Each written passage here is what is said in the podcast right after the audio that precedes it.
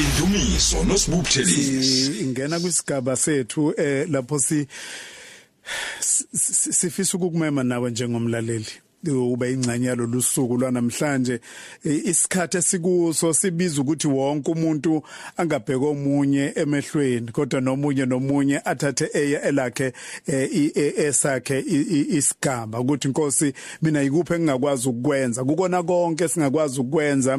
Imithetho nemiqathango uhulumeni asibekele yona ukuthi siyenze ukuze sikwazi ukuphepha kulolu bhubhane. Khumbula ukuthi akukona ukuphepha kwakho nje kuphela kodwa kukuphephisa nabanye abantu. Lento ibalulekile kakhulu ukuthi siphinde sikhumbule ukuthi kuphephisa nabanye abantu abaseduze kwakho nabantu kuyibona osuke uphila kubona. Kodwa ukuboka ibalo yilokhu zenyuke njalo lokhu zenyuke njalo kuyasibiza ukuthi siye kuNkulunkulu. Uma ngabe izinto sezisicakile zezithi mase zisicake nabazali bethu uma sezisicake ngisho nohulumeni zacaka ngisho nezazi zomhlaba kubalulekile ukuthi siye kulona othe yena akaxakwa lutho. Ukhona othe kukhona yini okumehlulayo yena? Ukhona othe kukhona yini okungenzeki kuye? Nakulesi sikhathi sinakho ukukholwa sinayo into enhlizweni yethu ethi uye ogcinayo. Ingakho incwadi yezakhe sifundiso ukuthi sikhunjuza ukuthi ziningi inhlelo umuntu abanazo kodwa oluka uNkulunkulu uhlelo egcineni oluphumelelayo. Sesiya kuNkulunkulu ukuthi inkosi eh abantu bakho bakhalile. Abantu bakho sibabona bephela abantu bakho sibabona besebhlungwini obumangalisayo kodwa siyakuthemba njengoNkulunkulu eh awuyena uNkulunkulu okuzwisa abantu bakho ubhlungu obungaka. Awuyena uNkulunkulu wokuthi abantu bakho baze bafikele lapho kungazi ukuthi khona awusekho njengoNkulunkulu ngoba siyakwazi ukuthi ukhona. Kubona bonke abantu abathandazayo kubona bonke abantu abanomthwalo uNkulunkulu wokuthandaza bakhulekele izimo ezahlukahlukene emhlabeni bakhulekele izimo ezahlukahlukene ezweni lethu nakwimndeni eyahlukahlukene elahlekelwe abathandiweyo babo. Abanye baseyibhedlela abanye bashiya ingane emakhaya baseyibhedlela. Kulolu suku lwanamhlanje kunina njengabakhulekeli. Ngiyafisa ukuthi nilithathe lolu suku njengosuku enithathe nabeka yonke into eceleni kodwa sikukhulekele lesi sikhathi ukuthi lelifu ledlule. Lesi sikhathi sedlule simthembile uNkulunkulu. Amehlo ethu ukwabhekisa kuNkulunkulu kwenza ukuthi sonke sikhulume ngazulinye simbuke uNkulunkulu uNkulunkulu sidlulise kulesi sikhathi.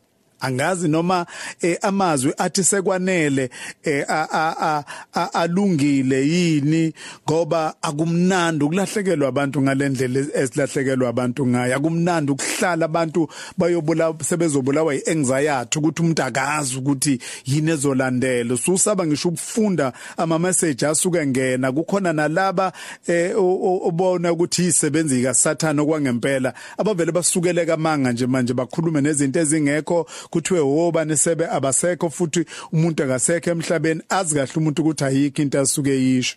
Namhlanje sikhulekela ukuzinza sizothe siye kuNkulunkulu sithi inkosi amacala ethu njengabantu ngamunye ngamunye ngamunye ngamunye uNkulunkulu uyawazi. Izono zethu ngamunye ngamunye ngamunye uNkulunkulu uyazazi. Uma bekungabhekwa ngokobubi bethu mhlambe bese ngebe namandla okuya phambi kaNkuluNkulu kodwa ngokwethemba uJesu othe kubona bonke ububi bethu uyoma njengommeli siya kuNkulunkulu ngalelo themba ukuthi inkosi siyakwazi ukuthi sihambe sangenza kahle njengabantu. Eh uJesu uyasikhumbuza ukuthi asingcwele vele ongcwele uNkulunkulu. Siya kuNkulunkulu ngokwazi ukuthi uJesu uthe yena ngemvimbo yakhe ayizwa ayishawayo ububi bethu uNkulunkulu uyadlulisa iso lakhe ayobheka ukukhala kwethu. Ukukhala kwethu kulokho namhlanje. Ngiyacela ukuthi uma ungithumelela eh, ku Twitter @iamsibubu theleze @ukhozi_fm ungakhohlwa ukuthi #indumiso.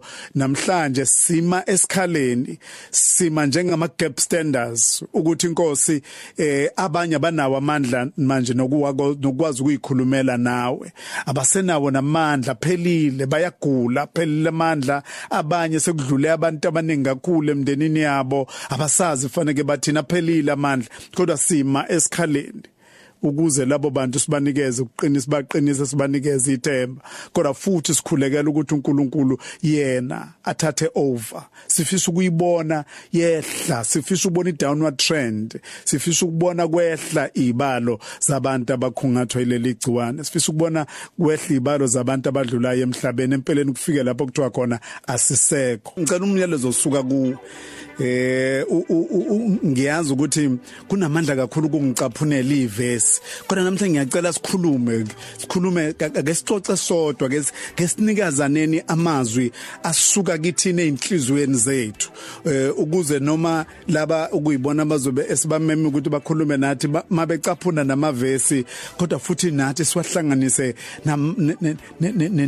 namazwi ethu siwafisa ukuthi siwadlulise kubantu namhlanje.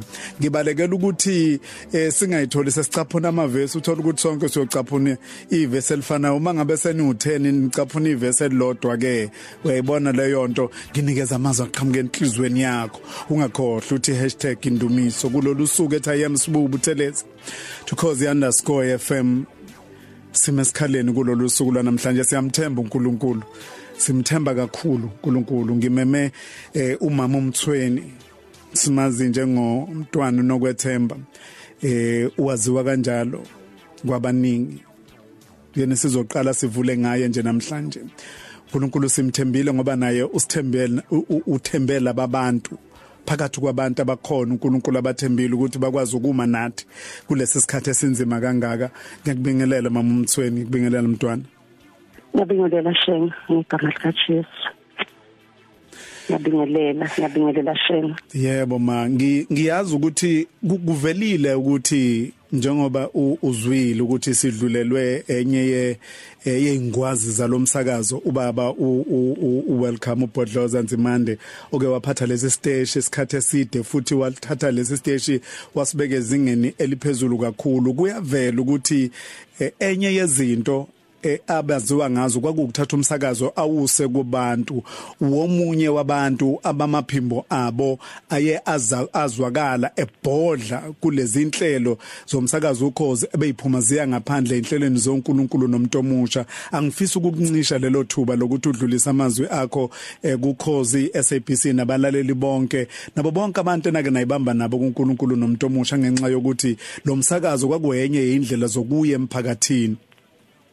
Angibonge kakhulu Shenge ngibingelele kubaphathi bokhozi ngibingelele kuwe Shenge abalaleli bonke balolu hlelo nabokhozi FM Shenge silimele uyayazi lento othi mawuyizwa ufuna ukuthi sengathi kungathiwa akunjalo. Uma ngiqala ukuthola umyalezo ngaphikisa kulabo abasheshe baposte ngathi hayi ayikho leyo nto. Masinyane ngoba ngumlaleli wokhozi ngeze umphathi eselwethula udaba kuhlelo luka Mamkhoza into khumula amadolo eqeda amandla. Isebenzile leya ndoda yakwanzimande kakhulu shenge kakhulu.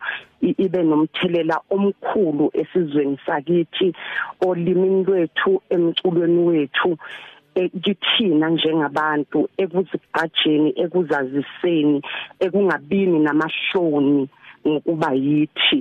Ngampela ngampela siyakhala singabalaleli bokhozi sithi asiduduzeke sonke. Ududuzeke umndeni wokhozi ududuzeke umndeni kababa unzimande ududuzeke wonke umuntu uNkulunkulu. Akasiqinise shengisilimele kakhulu angifuni ukuqamba amanga. Sisesikhathini esinzima kakhulu ma kodwa lesesikhathi esikusona umlando eBhayibhelini uyasivezela ukuthi zikhona izizwe egeza aba nesikhathi esifana nalesi ubuhlungu bungake bake bafikele izizwe ezahlukahlukene izathu zazahlukahlukene nakhona. Nathi futhi ekuphileni nje kwethu kuyavela ukuthi eminyakeni eh eminingi edlule kwake kwafika isikhathi esifana nalesi imkhuhlane efana nalena iyabhubhisa abantu kodwa futhi kwaphinde kwadlula kwaba sengazi ukuthi kuwumlando. Ngibabaza kakhulu ukuthi uma kubhekwa ukuthi ngaleso sikhathi ipopulation yayingakanani kodwa uNkulunkulu waphinda wanikeza ithuba lokuthi yona kanye le society wona kanye lesisizwe bona kanye laba bantu ukuthi we beyibakhungathwa yilomkhuhlane wabanika ithuba lokuthi baphinde bahlume sese sikufunde manje kunjengomlando. Simemezela isikhathi maye sisha ukuthi lo mkhuhlane uye wafika nanjengeminye kuthiwa esifunde ngayo ukuthi yake yafika. Ufika ngesikhathi sethu se generation yethu ma sinokukholwa nathi ezingeni lethu. Simazi uNkulunkulu ukuthi uyena osiphathele konke futhi usinikeze isethembiso sokuthi uma sikhale kuye uyosizwa. Ngifisa uyithulule inhliziyo yakhe ma usifundele izwi ongathanda ukusifundisa lona. Ukhulume nalomlalelo lalele loluhlelo namhlanje. Emva kwalokho bese siya kuNkulunkulu ngomkhuleko. Ngifisa ukuthi uthulule nje inhliziyo yakho. Kulolu hlelo? Angilibonge kakhulu ithuba shengongipha lona. Ngicela sibuke ivesi elilodwa encwadini yamahubo u34 sahluko samashumi amathathu nane ivesi elilodwa elesihlanu lifundeka kanjena lona. Babheka kuye phezulu bakhanya. Ubuso babo abusoze bajaba shenge ngifuna ukukhuluma kafushane kule mzuzwana ongiphe yona. Into ebuyisa ithemba ebumnyameni lento ishoyo shenge nathi nje bengikhombisa abantu abami la endlini ngithi nathi njalo savela ngesikhathi somkhuhlane omkhulu okwakuthiwa upokisi ichicken pox eyayimbi sinamanxeba alowo mkhuhlane emzimbeni yethu. Abanye kulowo mkhuhlane bafa abanye bafelwa amehlo baba yizimpumputhe sasala ngomusa kaNkuluNkulu kodwa amanxeba emzimbeni yethu ayasho ukuthi kukhona isikhathi esadlula kuso esasisibi kakhulu. Shenge kukubi ngendlela okubi ngayo mlaleli wokhozi FM kukubi. Silahlekelwa izihlobo silahlekelwa abantu bethu. Ngifuna ukukhuluma amazwi abuyisa ithemba athi izoba khona insali mfokasheni. Asiyukhamba sonke. Akanjalo uNkulunkulu akakaze abe njalo ngemvelo yakhe. Akanjalo akakaze abe mubi kanjalo uNkulunkulu. Izoba khona insali khona abantu abayosala bawuxoxa umlando. Khona abantu kuyo lemndeni eshayekayo sishayeka sonke shenge. Kodwa khona abantu abazosala bakwazi ukukhulisa futhi nokulekelela izintandane eseyisele khona manje emakhaya ezihanjelwe woyise nonina. uNkulunkulu uyoshiya kulowo muzi uanti noma shiya intombazane endala noma umfana omdala oyotoha abantu kuloyo muzi baphile. Kuzoba khona abantu kulesi simo esibhekene naso abazosana amazwi shenge athi athi babheka kuye phezulu. Bakhanya ubuso babo abusoze bajaba into yokukholwa umuntu oyaziyo ethi abamethembayo uJehova abajabi. Ayisho ukuthi aziveli izinto ezijabisayo kodwa abantu laba bakaNkuluNkulu abangajabhiswa yizinto ezijabisayo. Nalesi simo esikuso yiqiniso ukuthi siyajabhisa isimo kodwa abamethembayo usimakade abajabi. Mangikhuluma nezingane ngithi hayi ngoba ningezukufa asijabi noma sishile. Asisinethemba nalokuphila lokuphila nethemba lezwe lizayo. Ithi lento asimethembe uNkulunkulu ngoba uthi umpostoli Paul uKristu wafa ukuze singaziphileli. Ukuze kuthi siphila noma sifa sibe abenkosi. Ithi kwasebehambile kulungile siyobonana ezweni elizayo ngoba sinethemba lelinyizwe ithi lento futhi kwabaseleyo sinethemba lengomuso noma kumnyama kodwa ithemba liyaphilisa ithemba liyokwenza uvuke ulibone ilanga. Likhona ikusasa shenke ikhona insali bakhona abazosala kulomkhuhlane omubi. Bakhona abazosinda. Bakhona abayophila. Bakhona abawulanda umlando. Bakhona abayombonga uNkulunkulu nabayosho ukuthi sasala njalo thina entweni yake yafika emhlabeni shenge. Hey ikhona insali lamazo sinikeza wona ma kunezinto nje oye wayibala lapha ya. Ukuthi babheka phezulu.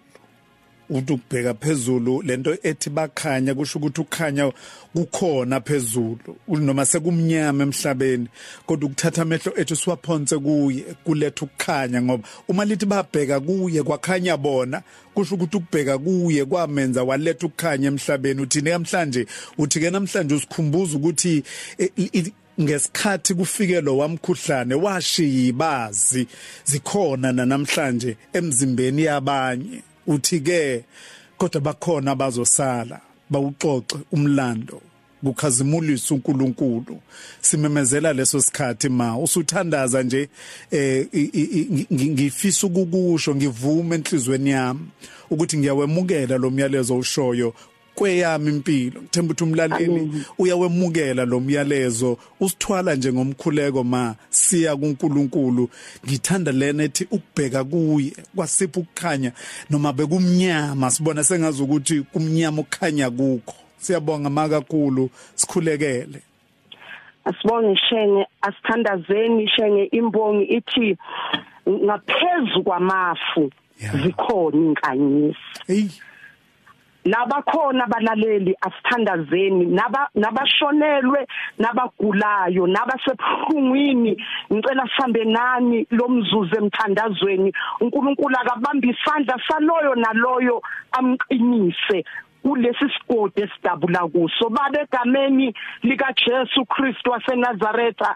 Ngiza kuwe uNkulunkulu ngalomzuzu ngiza kuwe nabalaleli bokhozi FM ngiza kuwe nesizwe uNkulunkulu ongcwele. Siyakhuleka uNkulunkulu ongale kwamafu ongale kweinkanyezi ongale kwelanga nenyanga.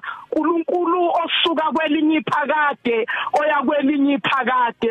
Siyathandaza ekseni sithi uNkulunkulu sikhumbule. Nkosi sihawukele. Nkosi sikeleli Afrika Nkosi yiba nomusa kithi. uNkulunkulu sedlule ebuhlungwini obukhulu. La umbiko ulandelo umbiko. Khumbula indlu ensundu. Khumbula ama-Afrika. Sikhumbule Nkosi usendaweni ohlala kuyo. Khumbula imngene esishiwe izihlobo khumbula abagulelwayo. Ukhumbula abagulayo uNkulunkulu ukhumbula abantwana bethu abaqhamukele entweni abangayaziyo ukhumbule abazukulu bethu. uNkulunkulu sawukele.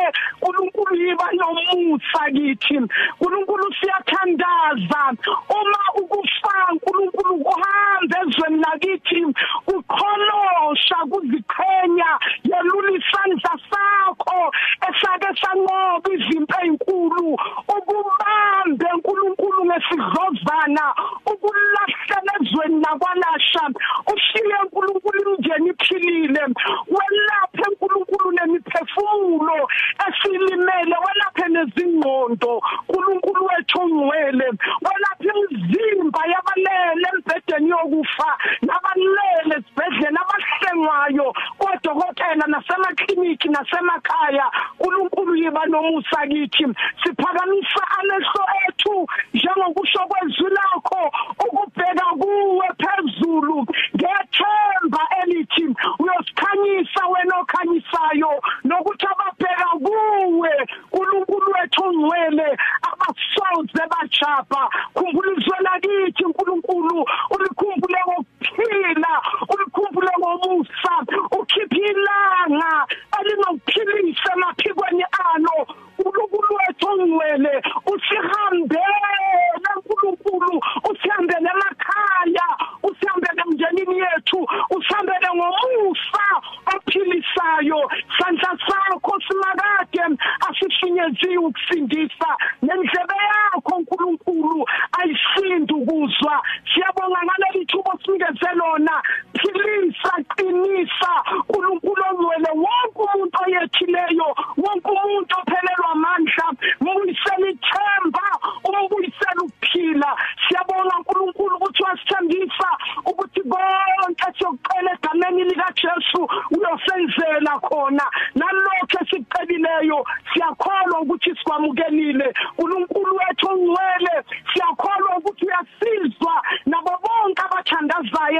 emhlabeni. Uyayizwa umthandazo yethu. Sizowubona umehluko. Sizowuzwa umehluko. Zizokwehla inamba kuzocindezeleka lokufa. Kuzokwehluleka lokufa. Bazophila abantu. Siyabonga uNkulunkulu. Wethu ongcwele siyabamukela lokhu ngokukholwa egameni elinamandla lika Jesu Kristu umsindisi wethu. Amen. Indumiso nosibuthelisi. Ngilelo professor Nhlanhla Qhubisa. Sekubingelela se siyajabula ukuba kanye nawe sekunesikhashana sigcinile la ekhaya.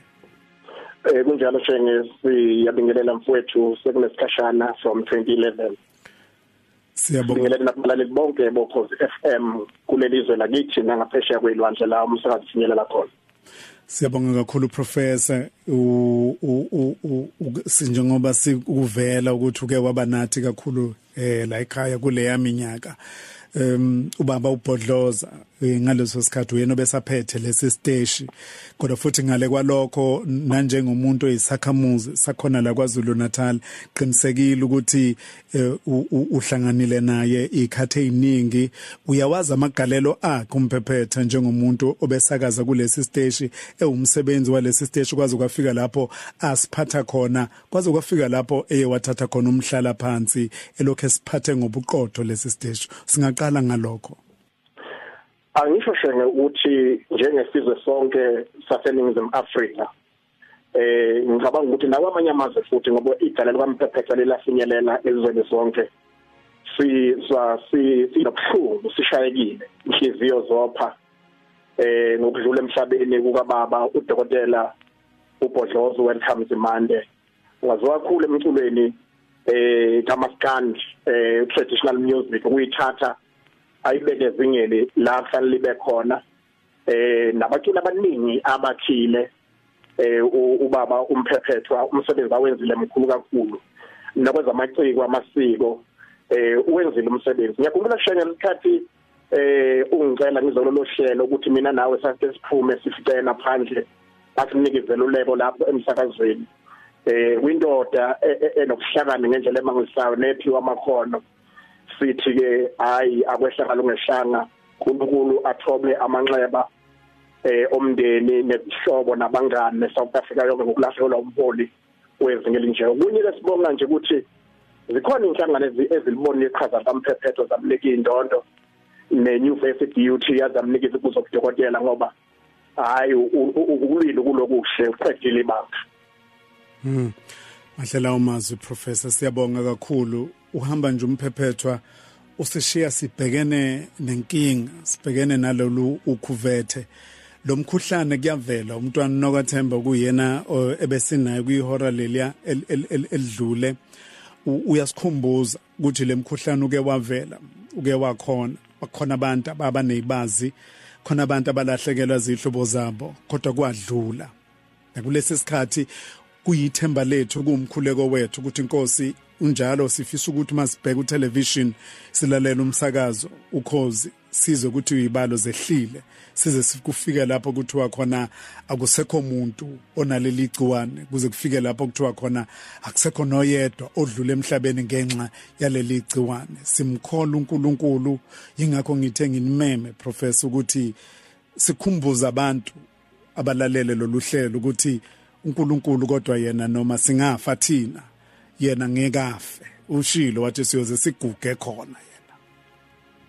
Eh shenge mfowethu uqinisile kakhulu eh ukuthi ithemba lethu likuyo uJehova ngokuqala shenge kubalulekile ukuba sithi dudu emndeni lahlelwe izihlobo nabangani sikanye nayo ushaya kwezwela ngoba kusenyameni kuya enyameni enyameni shenge la sikuzwela khona. Futhi siphinde sikhuleka mfowethu shenge sikhulekele nabaseyibhedlela eh kuma high care kuma eh, intensive care unit kuma ward endaweni ezihlukene nakuma quarantine houses la bekhona. Siyabakhulekela ukuthi uNkulunkulu sithumele ingilosi sithumele amamizas kamoya sithumele ugcobo namandla sithumele igazi lika Jesu ukuthi lifike libathinte baphile eh ukuthi imndeni sisuleke inyembezi. Kulobu buhlungu shenge sishayeke sonke. Ukuvuka ngobuhlungu emini kube buhlungu ntambama kube buhlungu sishayekile. Kodwa siyamkholwa uNkulunkulu ongehlwe lutho othe shenge noma siwela imfula ayikusikhukhula noma sidabule emalangabini ngeke azasishise ngoba unatha siqine singesabo mesho ku-Isaiah 43 siyamkholwa kuNkulunkulu. Shenge sifikile izifo ezifana nalezi mfowethu eh kwaphela abantu eh into eyodwa ebalulekile ukuthi mangabe ngifunda umlando lelifo ukuthi abantu babebambana uma ngabe uqala nje ngo430 BC uzobona lezi zifo kade zaqala zabakhona. Ngo1918 kwaba khona iSpanish flu sabulala abantu abawu50 million emhlabeni wonke eh kune bone flu egijime eEurope eh, emhlabeni wonke. Kodwa ngo1919 shenge uNkulunkulu wathi enough is enough kwaphela. Wathi sengivelele mina Jehova ngiyanqamula kwasho ukuthi yama. Wathi noma kutholakala imijovo nani kodwa uNkulunkulu wangenelela. Sikhuluma kashena kulesi sikhathi samanje sikaNkulunkulu ongenelelayo enext ukuthi uNkulunkulu sethembe wena akho omunye singaya kuye.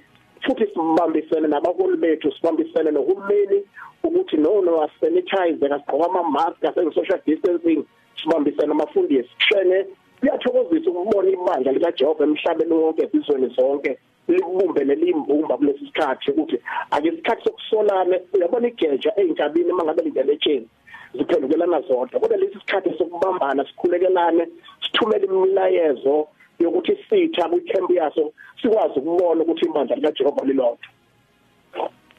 Mm khulumile professor. Isikhathi esidinga ukuthi sibambane ngezandla ushilo umlaleli wethu la ku Twitter eh ukuthi isikhathi lesi sokuthi sonke masibambane ngesandla eh sonke njengebandla likaNkuluNkulu ngale kokubuka ukuthi imicabango yethu eh iphilosophy injula umqondo yalelo bandla uthini? Kodwa kuba ukuthi zimpilo zethu lezi. Siphe izwi professor ngathanda ukusipha lona bebhelini usikhulekele. Kukhona shenge izwi elilodwa uIsaiah uchapter u54 eh uchapter 54 uthi noma uverse 10 uthi noma izintaba mfowethu zingancibilika noma amagquma nganyakaza kodwa mina umusa wami nothando lwami phezukwakho ume kuze kube phakathi. Ngifuna ukusho nje shenge ukuthi nakulesi sikhathi siyaqonda ukuthi asibambana nganegazi nenyama kodwa siyaqonda ukuthi yimpi yomkhathi semkhathini nalo usathana fanele azi ukuthi uthi uJesu ngaphezulu kwaleli bandla ngaphezulu kwaleli dwala ngizolakha ibandla lama masange hayidesa ukulahlula sithi njengebandla noma kunjena mfowethu noma ihlobo zishiya noma sithu noma sinamanxeba kodwa umusa kaNkuluNkulu nothando lwakhe kumile kuzobe phakathi ngoba siyayiqonda lento ukuthi akusiye egazi nenyama kodwa isemkhathini soma zonke izikhali zikamoya eh sikuze sibe namandla okubhekana nayo imicibisholo kaSathane esibhekene nazo. Ngomtshela uSathane ukuthi Sathane kodwa uthando lwethu lukaJesu kaNkuluNkulu lumile kuzophakade ngeke sisuke enkulunkulu. Ngabe kufika inhlupheko kufika indlala kufika ukubha kufika ukweswela kodwa thina sithi simile siqondile simi nabaholi bethu ukuthi sizobambisana naso sisimnezwe lonke nathi sothatha responsibility share kodwa kahle shenge ukuthi uyabona uma impi ihlabekile ama generals ayikomanda mawuzofunda iart of war ayikomanda ama generals yazi ukuthi abaholi bayayikomanda umoya engcwele uyayikhomanda uthi ayibumbane ihlangane kamoya ibhekane esitha kulesi sikhathi sisho njalo sheke sithi noma isitha sibhekene na kodwa uthando nomusa kaNkuluNkulu kume kuzobe phakade. Lemba kusiye yethu thina sothula kodwa yena usilela kulento sibhekene nayo. uNkulunkulu kukhona sheke kulezi zikhathi zamanje sithi akasithoba amanxeba aphilisa abagulayo kungamuke yonke into. Sithi baba ngegama lika Jesu Kristu waseNazaretha igama elinamandla igama eliphezulu kwamagama wonke baba sisondela kuwe nezwe lonke izwe lakithi South Africa. Sondela izwe zonke iAfrika yonke nomhlaba wonke. Ngegama lika Jesu waseNazaretha sifisa ukukhulekela abasezibhedlela kuma ward kuma quarantine house labekhona abakwi isolation simemeza igazi kaJesu sithumela amandla kamoya ingcwele sithumela ingelo zakho ziphethe healing ziphethe deliverance. Baba wena mawuvelile akungenzeki siyazi ukuthi icebo lakho lingevinjwe. Siyazi ukuthi ukhona wena ngekhathi zonke makuqhamuka wena siyazi ukuthi ukhona ummangaliso. Nakulesi sikhathi baba ngegama likaJesu waseNazaretha ngoba likhe elinye igama esingalimemeza esingakhuleka kulo. Wena usizwe sithi baba ingcwele ngenelela esimeni sethu ngenelela ezweni lakithi. Usule inyembezi babongcwele unqamuka izifo unqamuka amadimoni nemimoya impi yobumnyama impi yomkhathi mayinqamuke. Ngegama nangegazi kaJesu babongcwele kuphinde kube nenala kube nensali. Liphinde izwe lakithi ithuthuke umhlaba wonke uthuthuke isizwe singakhali singabi nenyembezi kube nemvula kube nerestoration kube nemvula yokugcina kube namafutha kube nokudla kube nengcebo. Egameni nasegazini kaJesu baba siyakholwa ukuthi masikhuleka kuleli gama elinamandla izinto ziyenzeka. Futhi umnyakazo uyezwakala. Sathana unasisabele ngawunalungele phezu kwabantwana kaNkulunkulu. Sizokuyala siyazi ukuthi ikhali zethu sinamandla ukucima yonke imicibisholo kaSathane ngayo uKristu Jesu. Futhi siyakhona ukuthi siyanqoba nokunqoba ngaye wasithandayo siyabonga baba egameni kaJesu ukuthi esikhulekelayo kuyenzeka. In Jesus mighty name we pray and we thank you. Amen. Sibonge kakhulu kuprofessor Kubisa amazwi asinikeze wona nasiqinisayo asinikezayo ithemba. Siyabonga kakhulu sayithola nemiyalezo yenu eh siyabonga nje kakhulu. uNkulunkulu asibusisele nina. Indumiso nosibukuthelisi.